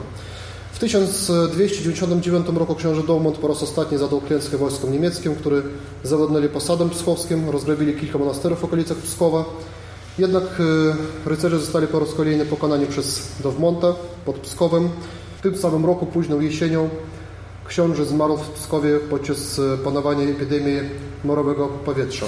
Został pochowany w Soborze Świętej Trójcy w Pskowie. Tutaj po lewej stronie jest raka z jego maściami, z relikwiami. Również e, przy jego relikwiach został położony jego miecz. Widzimy tutaj na tym zdjęciu ten miecz, który jest na dole. Miecz, który jest na górze, należał do księcia Gabriela poprzednika e, świętego Dowmonta, a miecz świętego Dowmonta znajduje się na dole. Na jego mieczu był taki napis, widnieje po dzień dzisiejszy napis w języku łacińskim honorem meum nie dabo. Tak to brzmi. W tłumaczeniu można powiedzieć, przetłumaczyć to honoru mojego nikomu nie oddam. To było takie zwykłe hasło rycerzy tamtych czasów. Prawdopodobnie ten miecz został zrobiony jeszcze w czasach, kiedy był księciem nalszańskim na Litwie i z tym mieczem przybył też do Pskowu. Co dla nas ważne jest w posłudze świętego Dowmonta. Tak musiał brać często mieć w ręce, żeby e, spełnić swoją księżycą posługę, ale zawsze ta posługa dążyła nie do e, władzy, nie do pomnożenia swojego majątku, swojej sławy, swojej chwały, tylko dlatego, żeby bronić. Żadna z tych wojen, którą prowadził książę Nelszański, nie była wojną agresywną. Zawsze to była wojna obronna. Bronił przede wszystkim nie swoich ziem, nie swoich E, nie swojego majątku, ponieważ jako książę nie posiadał tego majątku i nie posiadał swoich ziem. Księstwo należało do wiece, wiece pskowskie to był najwyższy organ władzy, a książę pskowski to był raczej człowiek, którego przyjmowano na służbę dla, dla księstwa. I jego służbą była obrona prawostawia, obrona e, cerkwi. Ponieważ jeżeli nie pełniłby tej obrony, to zdarzyłoby się to, co zdarzyło się później w Prusach Wschodnich, kiedy E, krzyżacy tak właściwie e, wytępili w całości ludność Prus i zasiedlili tam już nowymi kolonistami. To była obrona cerkwi. Obrona, która była związana też z ryzykiem dla życia, z gotowością poświęcić swoje życie w każdej chwili o to, żeby obronić wiarę. Dlatego też ten akcent służby, ten akcent gotowości poświęcić swoje życie dla innych przeważył w kanonizacji świętych książąt. Mogę powiedzieć, że wszystkich świętych władców, cesarzy, książąt, carów, królów prawosławnych było kanonizowanych 73 w całym świecie prawosławnym. 56 z nich to są książęta ruscy. I jednym z nich, jednym z ruskich książąt, można powiedzieć, że związanych z Białorusią, to był książę Pskowski. Też należy do świętych ziemi białoruskiej, też jest na ikonie Soboru Białoruskich Świętych. Tutaj widzimy jego ikonę, która widnieje na ikonostasie Soboru Świętej Trójcy w Pskowie. Następny święty, do którego chciałbym przejść, to ostatnio już dzisiaj święty, żeby nie zajmować dla Państwa zbyt dużo czasu, ale święty pod każdym możliwym względem niezwykły. Święty Makary, metropolita kijowski i całej Rusi. Jest kilka metropolitów kijowskich kanonizowanych, między innymi Focjusz, który był z pochodzenia Grekiem, Cyprian z pochodzenia był Bułgarem. Tutaj widzimy świętego, który urodził się i wzrastał na ziemiach białoruskich i był owocem już białoruskiej jakiejś szczególnej pobożności. Godnie, można powiedzieć, przyjął dziedzictwo swoich świętych poprzedników, Cypriana i Focjusza. Przypadło mu też bronić cerkwi, podobnie jak do, dla Dowmonta Tymoteusza, bronić nie tylko już jedności cerkiewnej, ale samego prawostawia na ziemiach Wielkiego Księstwa Litewskiego, czyli przede wszystkim na ziemiach białoruskich i ukraińskich, ale w Białorusi były pierwsze próby unijne. Ruska prowincja cerkiewna wówczas została podzielona na dwie metropolie. Święty Makary żył w latach 1427-1497. Przed nim przez dłuższy czas utrzymywano jedność metropolii kijowskiej, która łączyła ziemię Rusi Moskiewskiej, Nowgorodzkiej, Białoruskiej, Ukraińskiej, Rusi Litewskiej też, ale uwarunkowania historyczne i polityczne nie pozwolili na utrzymanie tej jedności cerkiewnej na zawsze, ponieważ księstwo moskiewskie i księstwo litewskie chodziło w okres zawziętej konfrontacji ze sobą, centralizacji władzy monarszej i w rywalizacji w dążeniu do jednoczenia ziem ruskich w przypadku Moskwy i Litwy przerosło w tworzenie takich państw, które już mieli ambicje imperialne. Księstwo moskiewskie było prawosławne, Litwa natomiast chodziło w bity cywilizacji łacińskiej wówczas i prawosławie na tych ziemiach stopniowo ulegała dyskryminacji. W tej sytuacji powstała potrzeba usamodzielnienia metropolii kijowskiej, aby uniknąć największego zagrożenia dla prawosławia na tych ziemiach. Największe nasze zagrożenie, najbardziej dramatyczne w historii, to niekanoniczny wybór nowego zwierzchnika litewskiej części metropolii kijowskiej i zawarcie Unii Kościelnej. Tak też stało się pod koniec XVI wieku. Ale metropolita Makary zwraca na siebie uwagę, ponieważ on potrafił w bardzo trudnych okolicznościach, niesprzyjających prawostawiu, założyć takie fundamenty życia cerkiewnego, które pozwolili później przetrwać ten straszny okres unicki, przetrwać prawostawiu przez XVII i XVIII wiek. W dużym stopniu dzięki jego wysiłkom i jego pewnym poczynaniom, które potrafił dokonać. Chociaż był metropolitą bardzo krótko, tylko przez trzy lata. Podział metropolii nastąpił w 1458 roku i pierwszym metropolitą kijowskim i litewskim był Grzegorz, Bułgar. Święty Makary został szóstym zwierzchnikiem metropolii kijowskiej, już samodzielnej. I mało jest danych też o czasach dzieciństwa i latach młodości metropolita Makarego. Urodził się w 1427 roku w litewskiej rodzinie bojarskiej. To prawdopodobnie byli bojarze przy którymś z książąt udzielnych, dzielnicowych na Litwie, ale też urodził się w Wilnie i dorastał w Wilnie, co wskazuje na to, że jego ród, jego rodzina była bardzo bliska wielkim księciom litewskim, Radzie Wielkoksiążęcej. Święty Makary występuje już dopiero w wieku 45 lat w historii. W 1470 roku, drugim roku, kiedy został wyświęcony na hieromnicha w monasterze Świętej Trójcy w Wilnie. Tak wyglądał ten monaster za czasów świętego Makarego, kiedy objął tam funkcję archimandrity. Święceń kapłańskich udzielił mu wczesny metropolita kijowski Symion, który też w Wilnie rezydował. I w 1481 roku w soborze katedralnym pod wezwaniem zaśnięcia Przenajświętszej Bogorodzicy w Wilnie, święty Makary został mianowany do posługi przełożonego monasteru Świętej Trójcy w godności archimandryta. Ta posługa była bardzo odpowiedzialna, ponieważ do tego monasteru, który widzimy, Świętej Trójcy Wilnie, należało kilkanaście monasterów stanowiących archimandrię wileńską, litewską, wileńską. Poza tym e, obowiązkiem przełożonego monasteru Świętej Trójcy w Wilnie było też wizytowanie wszystkich monasterów Wielkiego Księstwa Litewskiego. Wizytowanie e, duszpasterskie przede wszystkim, czyli był odpowiedzialny za całe życie monastyczne na terenie całej współczesnej Białorusi. Makaraj dbał o wzmocnienie przede wszystkim dyscypliny duchowej monasteru. Ten monaster miał być ostoją prawosławia w bardzo niepewnych czasach. To była taka wyspa prawosławia w mieście, które skłaniało się już ku łaciństwu. I w 1000, też pamiętam, że w 1447 roku, jeszcze przed metropolitą Makarem, książę litewski Kazimierz wydał przywilej, który zrównywał prawosławnych i katolików, w prawach ale tenże książę później oddzielnym edyktem zabronił prawosławną budowę nowych i remontowania starych świątyń. W historii Rzeczypospolitej Księstwa Litewskiego później tak było. Te akty prawne, które dawali prawosławnym więcej praw, oni zazwyczaj nie byli wprowadzane w życie. Natomiast akty prawne, które dyskryminowali w, jakiś, w jakikolwiek sposób prawosławnych, byli bardzo później respektowane przez władze lokalne. Więc ten edykt, który zabraniał prawosławną budowę świątyń, on odbił się na życiu prawosławnych również w Wilnie. Lata posługi cerkiewnej świętego Makarego byli bardzo niespokojne dla ziem, dla ziem ruskich też południowych. Trwały ciągle najazdy krymskich Tatarów. W 1482 roku hordy Hana Mendigireja zaatakowały Kijów. Widzimy właśnie to zmieścienie Kijowa na tym, na tym otopisie przez Mendigireja.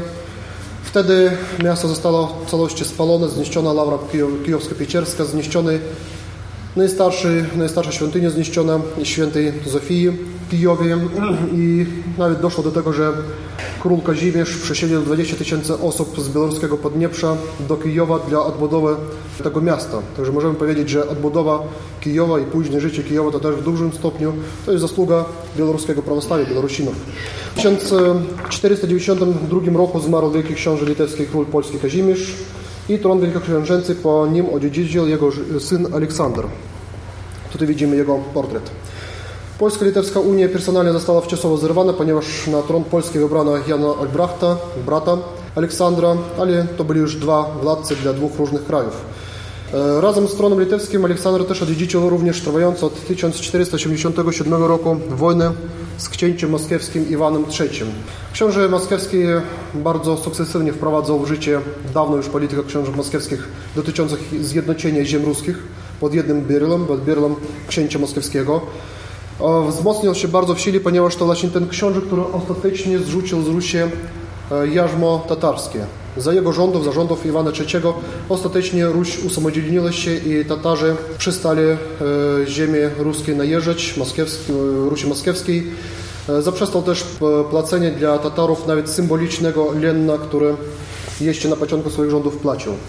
Wojna z Moskwą, Litwy z Moskwą dotyczyła ziem przygranicznych.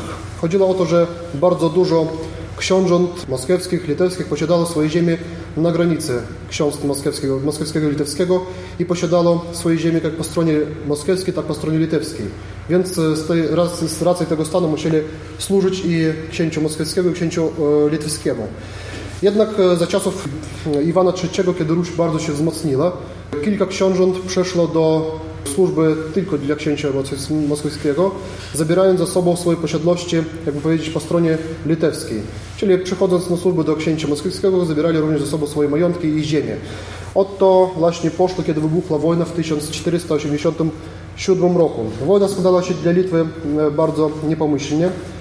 Natomiast jednak ustalała, ustalała takie bardzo rygorystyczne granice pomiędzy Rusią moskiewską a Litwą, która już przestawała siebie nazywać wtedy Rusią. I w tej sytuacji, kiedy wojna bardzo niepomyślnie składała się dla Litwy, w 1994 roku podjęto próbę ustalenia pokoju i nie tylko pokoju, ale nawet sojuszu, takiej jedności Litwy i Rusi.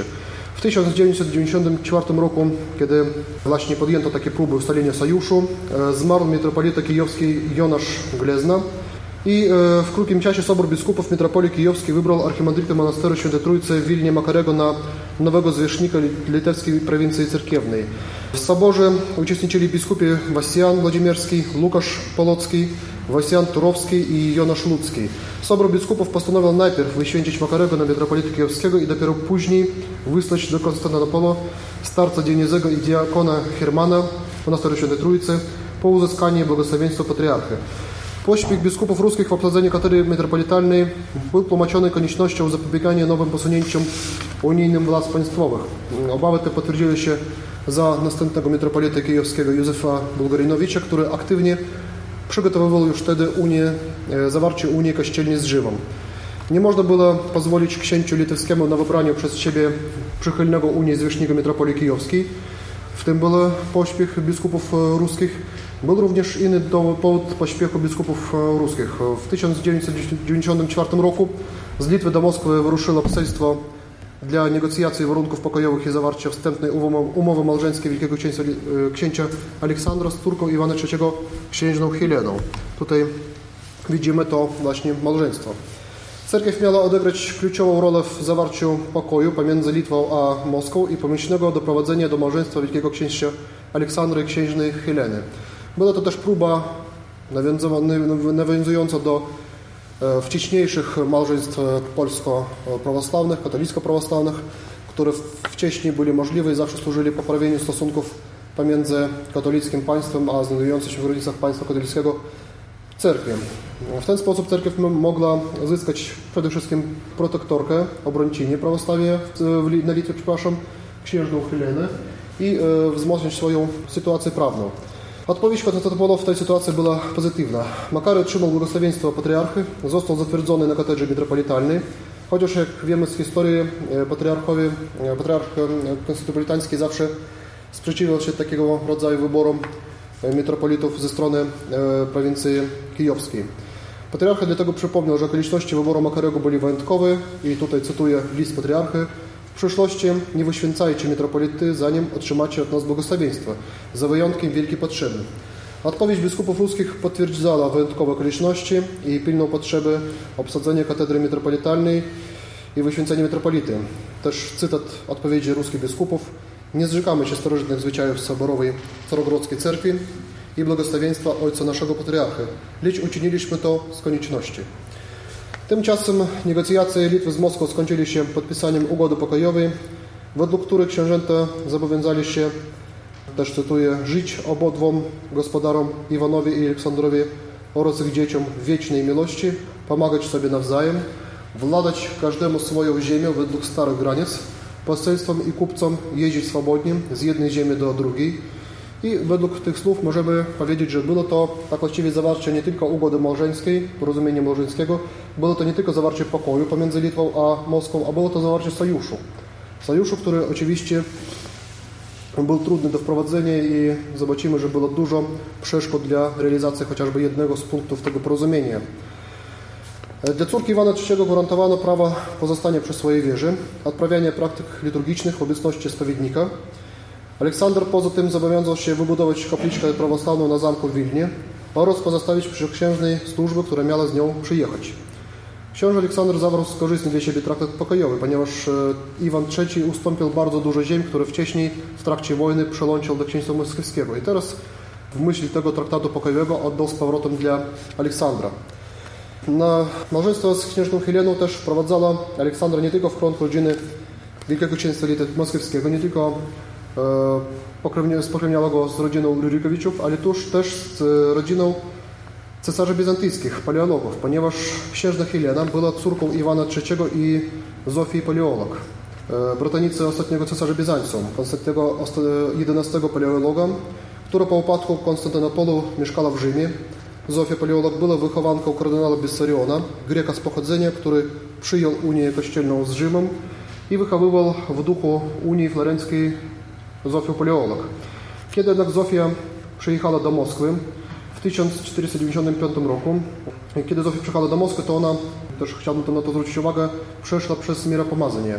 Czyli chciał w ten sposób udowodnić, że nic ją nie łączy z Kościołem Rzymskim, nic nie łączy z katolicyzmem i od początku swojego pobytu w Moskwie ona e, ujawniała siebie jako gorliwą prawosławną. To właśnie jej staraniem, dzięki jej staraniom wybudowano na moskiewskim Kremlu słynną, słynną świątynię Zaśnięcie Bogorodzice, która po dzień dzisiejszy tam się znajduje jako dawna katedra patriarchów moskiewskich. To była jej fundacja, jej staranie. Ona sprowadzała e, mistrzów do budowy świątyni, do położenia fresków wewnątrz świątyni.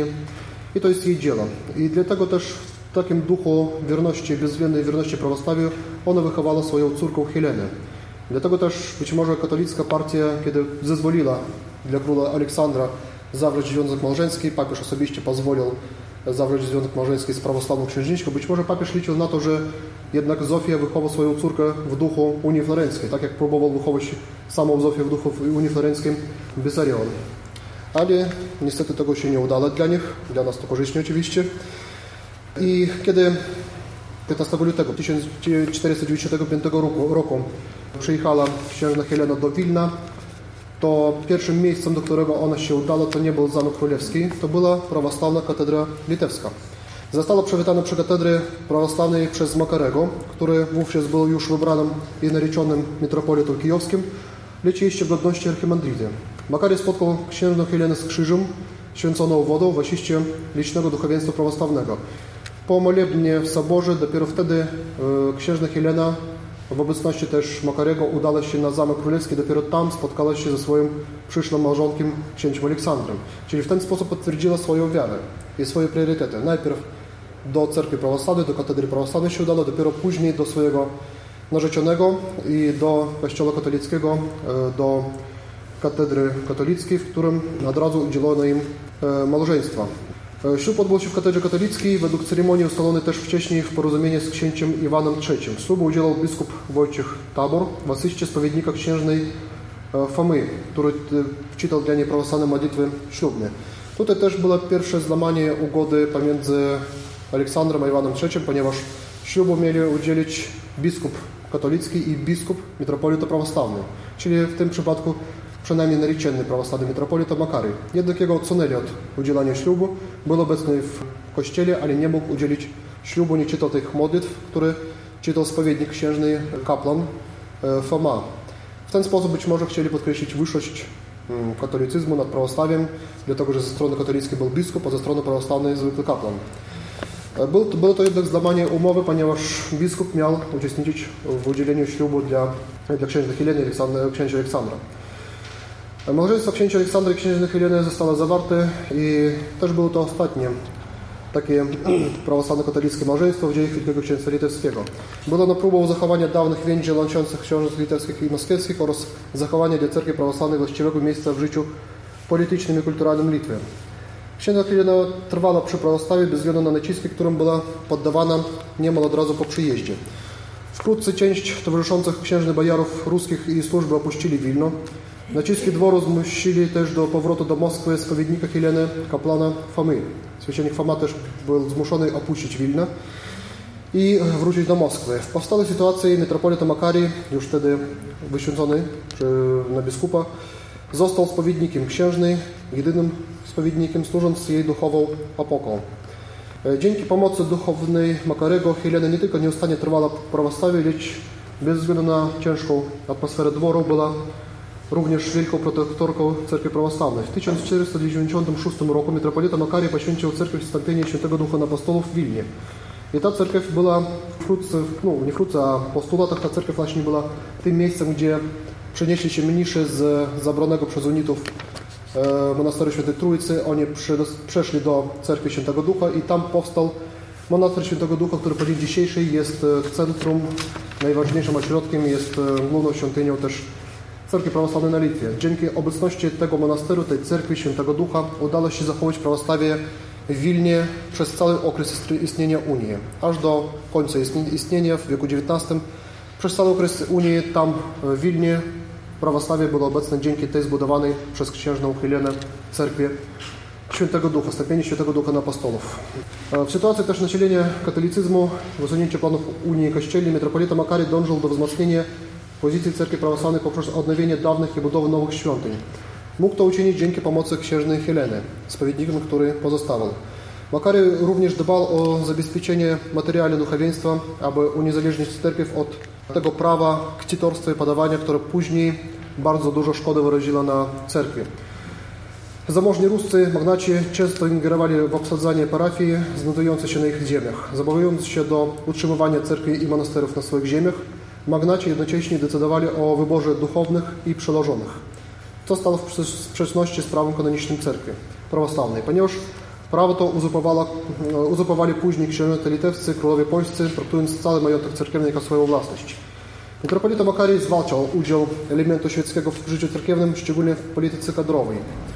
Tutaj chciałbym zauważyć, że pewnego razu powstał spór o obsadzenie stanowiska przełożonego monasteru Świętej Trójcy. Wtedy mieścianie Wilna chcieli wybrać swojego kandydata, a metropolita Makary wybrał innego kandydata i powiedział, że przyjąłem jako archimandrita tego monasteru klucze od poprzedniego archimandrity i też przekazuję dla następnego.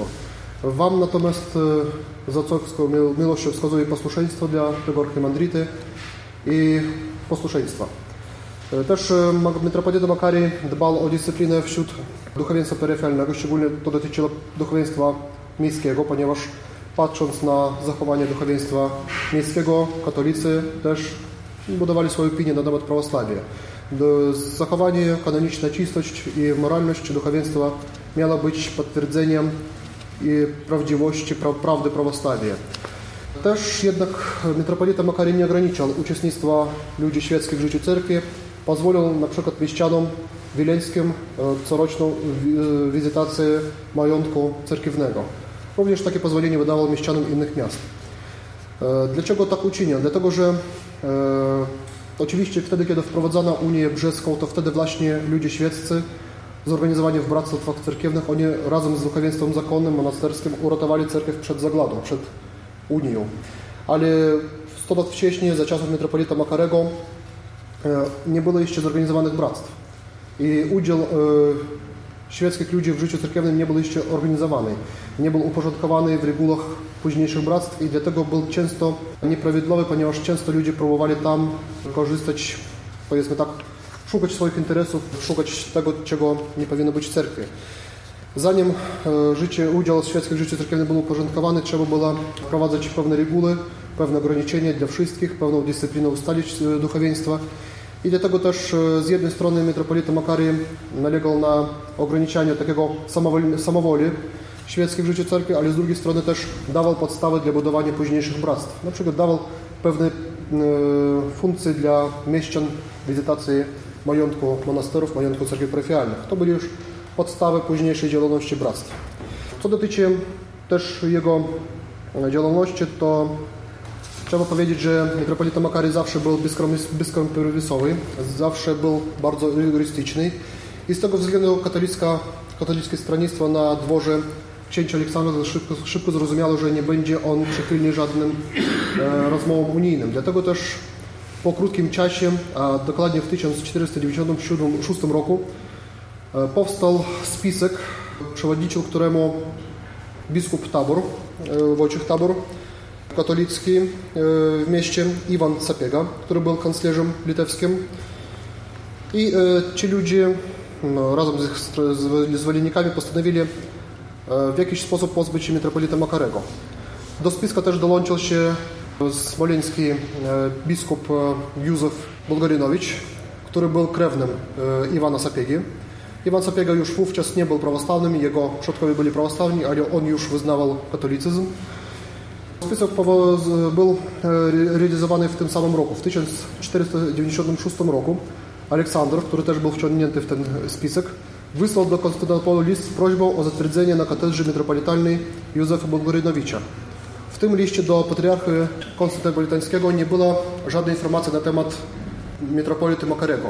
Czyli dawano do zrozumienia, być może w innym liście albo ustnie, że Makary już nie jest metropolitą, być może zmarł, być może ustąpił, ale patriarcha wiosną 1497 roku, jeszcze za życia metropolita Makarego, wysłał list do księcia Aleksandra, w którym Józefa Bulgarynowicza nazywa jako wybranego, mianuje jako wybranego metropolitę na katedrze kijowską, na katedrę kijowską.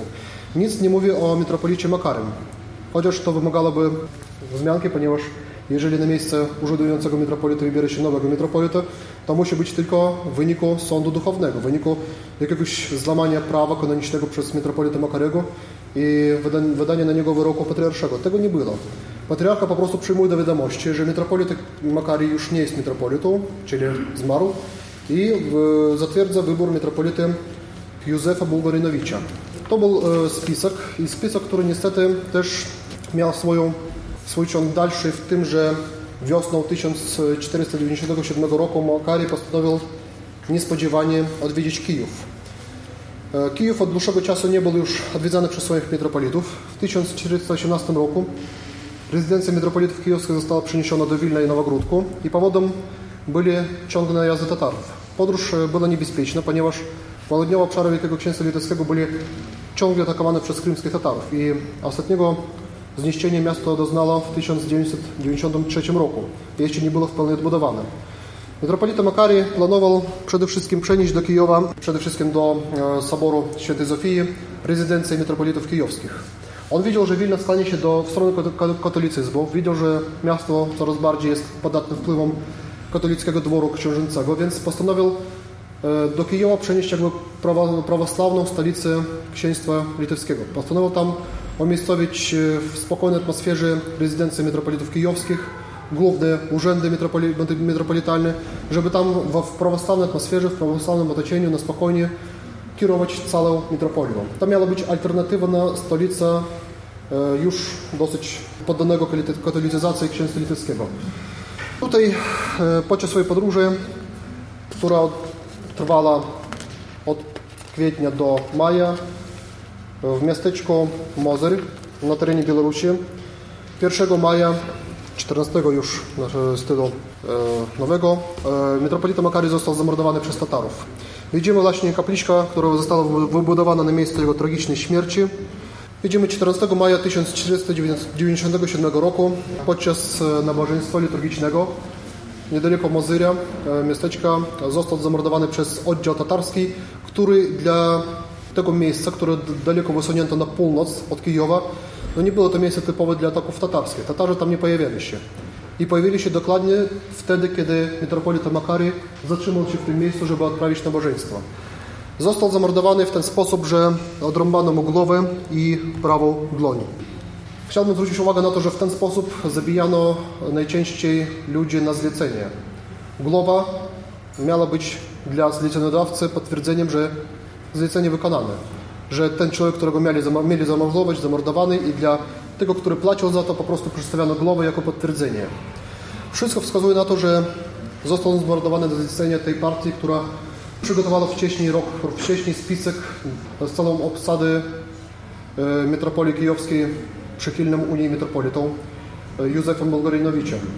I wszystko na to wskazuje, ponieważ już w kwietniu patriarcha odpowiedział przychylnie na prośbę obsadzenia katedry kijowskiej tym nowym metropolitą Józefem Bulgarynowiczem dla księcia Aleksandra i w obecności żyjącego i urzędującego metropolity partia katolicka była taką, taką bardzo niepewnym położeniu, ponieważ wiadomo było, że skoro patriarcha mianował na miejsce żyjącego metropolita nowego, to kiedy się dowie o tym metropolita Makary, to stosunki pomiędzy księciem Aleksandrem a patriarchą konstantynowskim będą popsute, ponieważ będzie ujawniony, po prostu będzie ujawnione oszustwo. I to ujawnione oszustwo też byłoby konsekwencją dla smoleńskiego biskupa jego ekskomunika za takie przeciwdzięcie za pisanie metropolity urzędującego. Więc jego śmierć była potrzebna dla partii katolickiej i od razu na mocy tego przywileju kilka dni dokładnie po śmierci metropolity Makarego już został mianowany nowy metropolity kijowski Józef Bulgarynowicz, który od razu zaczął wprowadzać swoje projekty unijne, plany unijne. Kilka słów o metropolicie Makarym. Jego ciało zostało odnalezione, przeniesione do Kijowa, pochowane w Lawrze Kijowsko-Pieczerskiej. Przez dłuższy czas znajdowała się jego, jego relikwia w Lawrze Kijowsko-Pieczerskiej. W XX wieku dopiero zostały przeniesione jego relikwie do Soboru Świętego Włodzimierza w Kijowie. I tutaj jest też dla nas wielka tragedia, ponieważ od kilkunastu lat ten sobór należy nie do prawosławnej cerkwi, a do cerkwi, która jest skierowana przez pseudopatriarchę Filareta. Państwo o nim zapewne wiecie. I jego relikwie, relikwie świętego Makarego znajdują się w posiadaniu tej pseudocerkwi, pseudopatriarchy. To jest dla nas wielka tragedia i dlatego też myślę, że powinniśmy szczególnie czcić jego pamięć, szczególnie o nim pamiętać, żeby nie było, żeby nie wyglądało to w ten sposób, że my o nim zapominamy, a jego relikwie i pamięć o nim przyswaja sobie ta cerkiew, która jest tylko zewnętrznie prawosławna, a wewnątrz prawosławną nie jest, ponieważ powstała jako projekt polityczny, podobnie zresztą powstawała e, Unia w Brześciu. Też jako projekt polityczny, jako taka alternatywna prawosławna cerkiew, która nie jest prawosławna, ale wygląda jako prawosławna. Co dotyczy Józefa Bulgarynowicza, nie zdołał on wprowadzić swoich planów unijnych w życie. Nic mu się nie udało, dlatego że dzięki staraniom metropolity Makarego wszystkie stanowiska cerkiewne były obsadzone przez ludzi wiernymi prawostawiu. Przede wszystkim to dotyczyło duchowieństwa parafialnego, duchowieństwa monastycznego. Monastery wszystkie były zbyt prawosławne, żeby próbować na początku XVI wieku nakłaniać ich na Unię.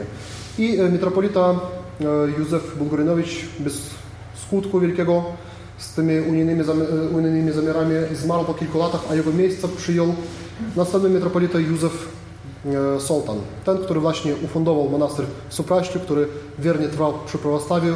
On przyjął wcześniej Smoleńską katedrę i później przyjął całą metropolię kijowską. Unijne plany e, Józefa Bulgarynowicza nie udały się dzięki temu, że przez trzy lata swojego e, urzędowania na metropolii kijowskiej metropolita Makary zdołał naprawdę ulepszyć całą atmosferę. Wzmocnił dyscyplinę, wzmocnił dyscyplinę parafialną, monasterską, e, wzmocnił pozycję cerkwi przy pomocy księżnej Heleny w państwie polsko-litewskim i cieszył się takim niekwestionowanym autorytetem, że po prostu nie było możliwości cokolwiek robić wbrew jego woli nawet po jego śmierci. Dlatego musimy mu podziękować, że dzięki jemu Unia jeszcze 100 lat później po jego śmierci była tylko projektem tylko projektem, a pamięć o nim, natomiast ona umożliwiła przetrwanie e, prawosławia na naszych ziemiach i w wieku XVII i wieku XVIII. Wiemy, że niedużo parafii pozostawało tutaj, na Podlasiu, na początku XIX wieku. Po Unii tylko trzy placówki w Zabudowie, w Drogiecinie i w Bielsku, ale tym niemniej, tym niemniej prawosławie pozostawało. Bez e, względu na 200 lat takiego okrutnego prześladowania, terroru, Prawosławie nadal istniało i dzięki właśnie temu człowiekowi i również jego e, duchownemu ciadu, księżnej Helenie. Jej los był tragiczny. Po śmierci swojego małżonka ona była nękana, prześladowana. Skłaniano ją do przyjęcia Unii, e, katolicyzmu, jednak tego nie przyjęła. W końcu została aresztowana. Widzimy nawet tutaj, latopis przedstawia moment jej aresztu. Aresztowana została w 1513 roku. Aresztowana, uwięziona, w końcu w wieku 36 lat zmarła. Prawdopodobnie wszystko wskazuje na to, że została atruta, ponieważ ówczesny król e, polski w liście do krakowskiego biskupa, to był król e, Zygmunt I, wyrażał swoje zadowolenie z powodu jej śmierci. Wiemy że też, że próbowała niedługo przed swoją śmiercią tragiczną wrócić do swojej rodziny, do księstwa moskiewskiego, więc jednak jej na to nie pozwolono. Aresztowano ją podczas nabożeństwa w katedrze wileńskiej e, pod wezwaniem e, zacznięcia Bogorodzicy, więc tutaj złamana została też nietykalność świątyni, która wcześniej obowiązywała bezwzględnie. Tym niemniej pamiętać należy o tym, że e, dla nas, dla prawosławnych śmierć męczennika zawsze jest zwycięstwo. To nie jest porażką. Ludziom niewierzącym, ludziom dalekim od wiary może wydawać się, że śmierć męczennika to jest porażka, że to jest zwycięstwo ostateczne tych, kto był przeciwko tym ludziom. Dla nas jednak to jest e, zwycięstwo, ponieważ dzięki nim prawostawie jednak trwało. Trwało i przetrwało przez najdramatyczniejsze okresy następnych stuleci. Unia nie mogła mieć skutku chociażby dlatego, że ci, którzy walczyli przeciwko Unii, zostawili głęboki ślad w naszej pamięci, w naszej świadomości. To są nasze święci.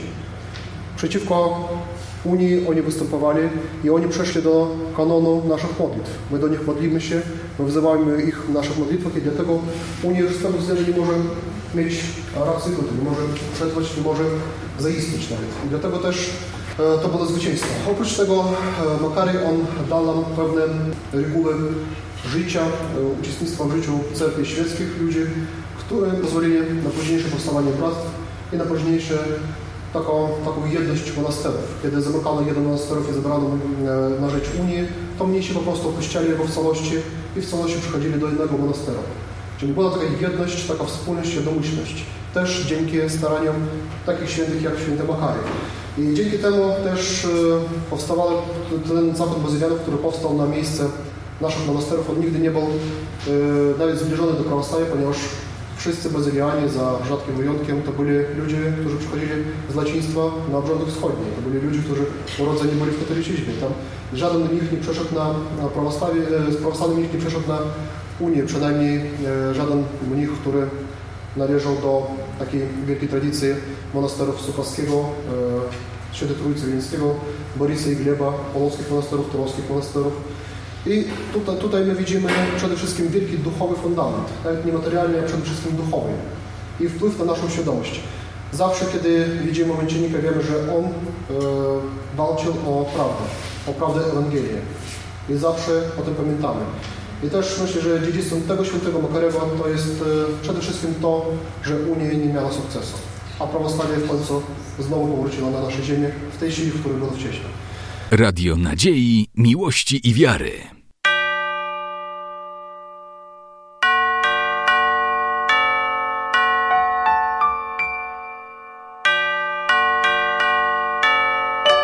Radio Ortodoksja.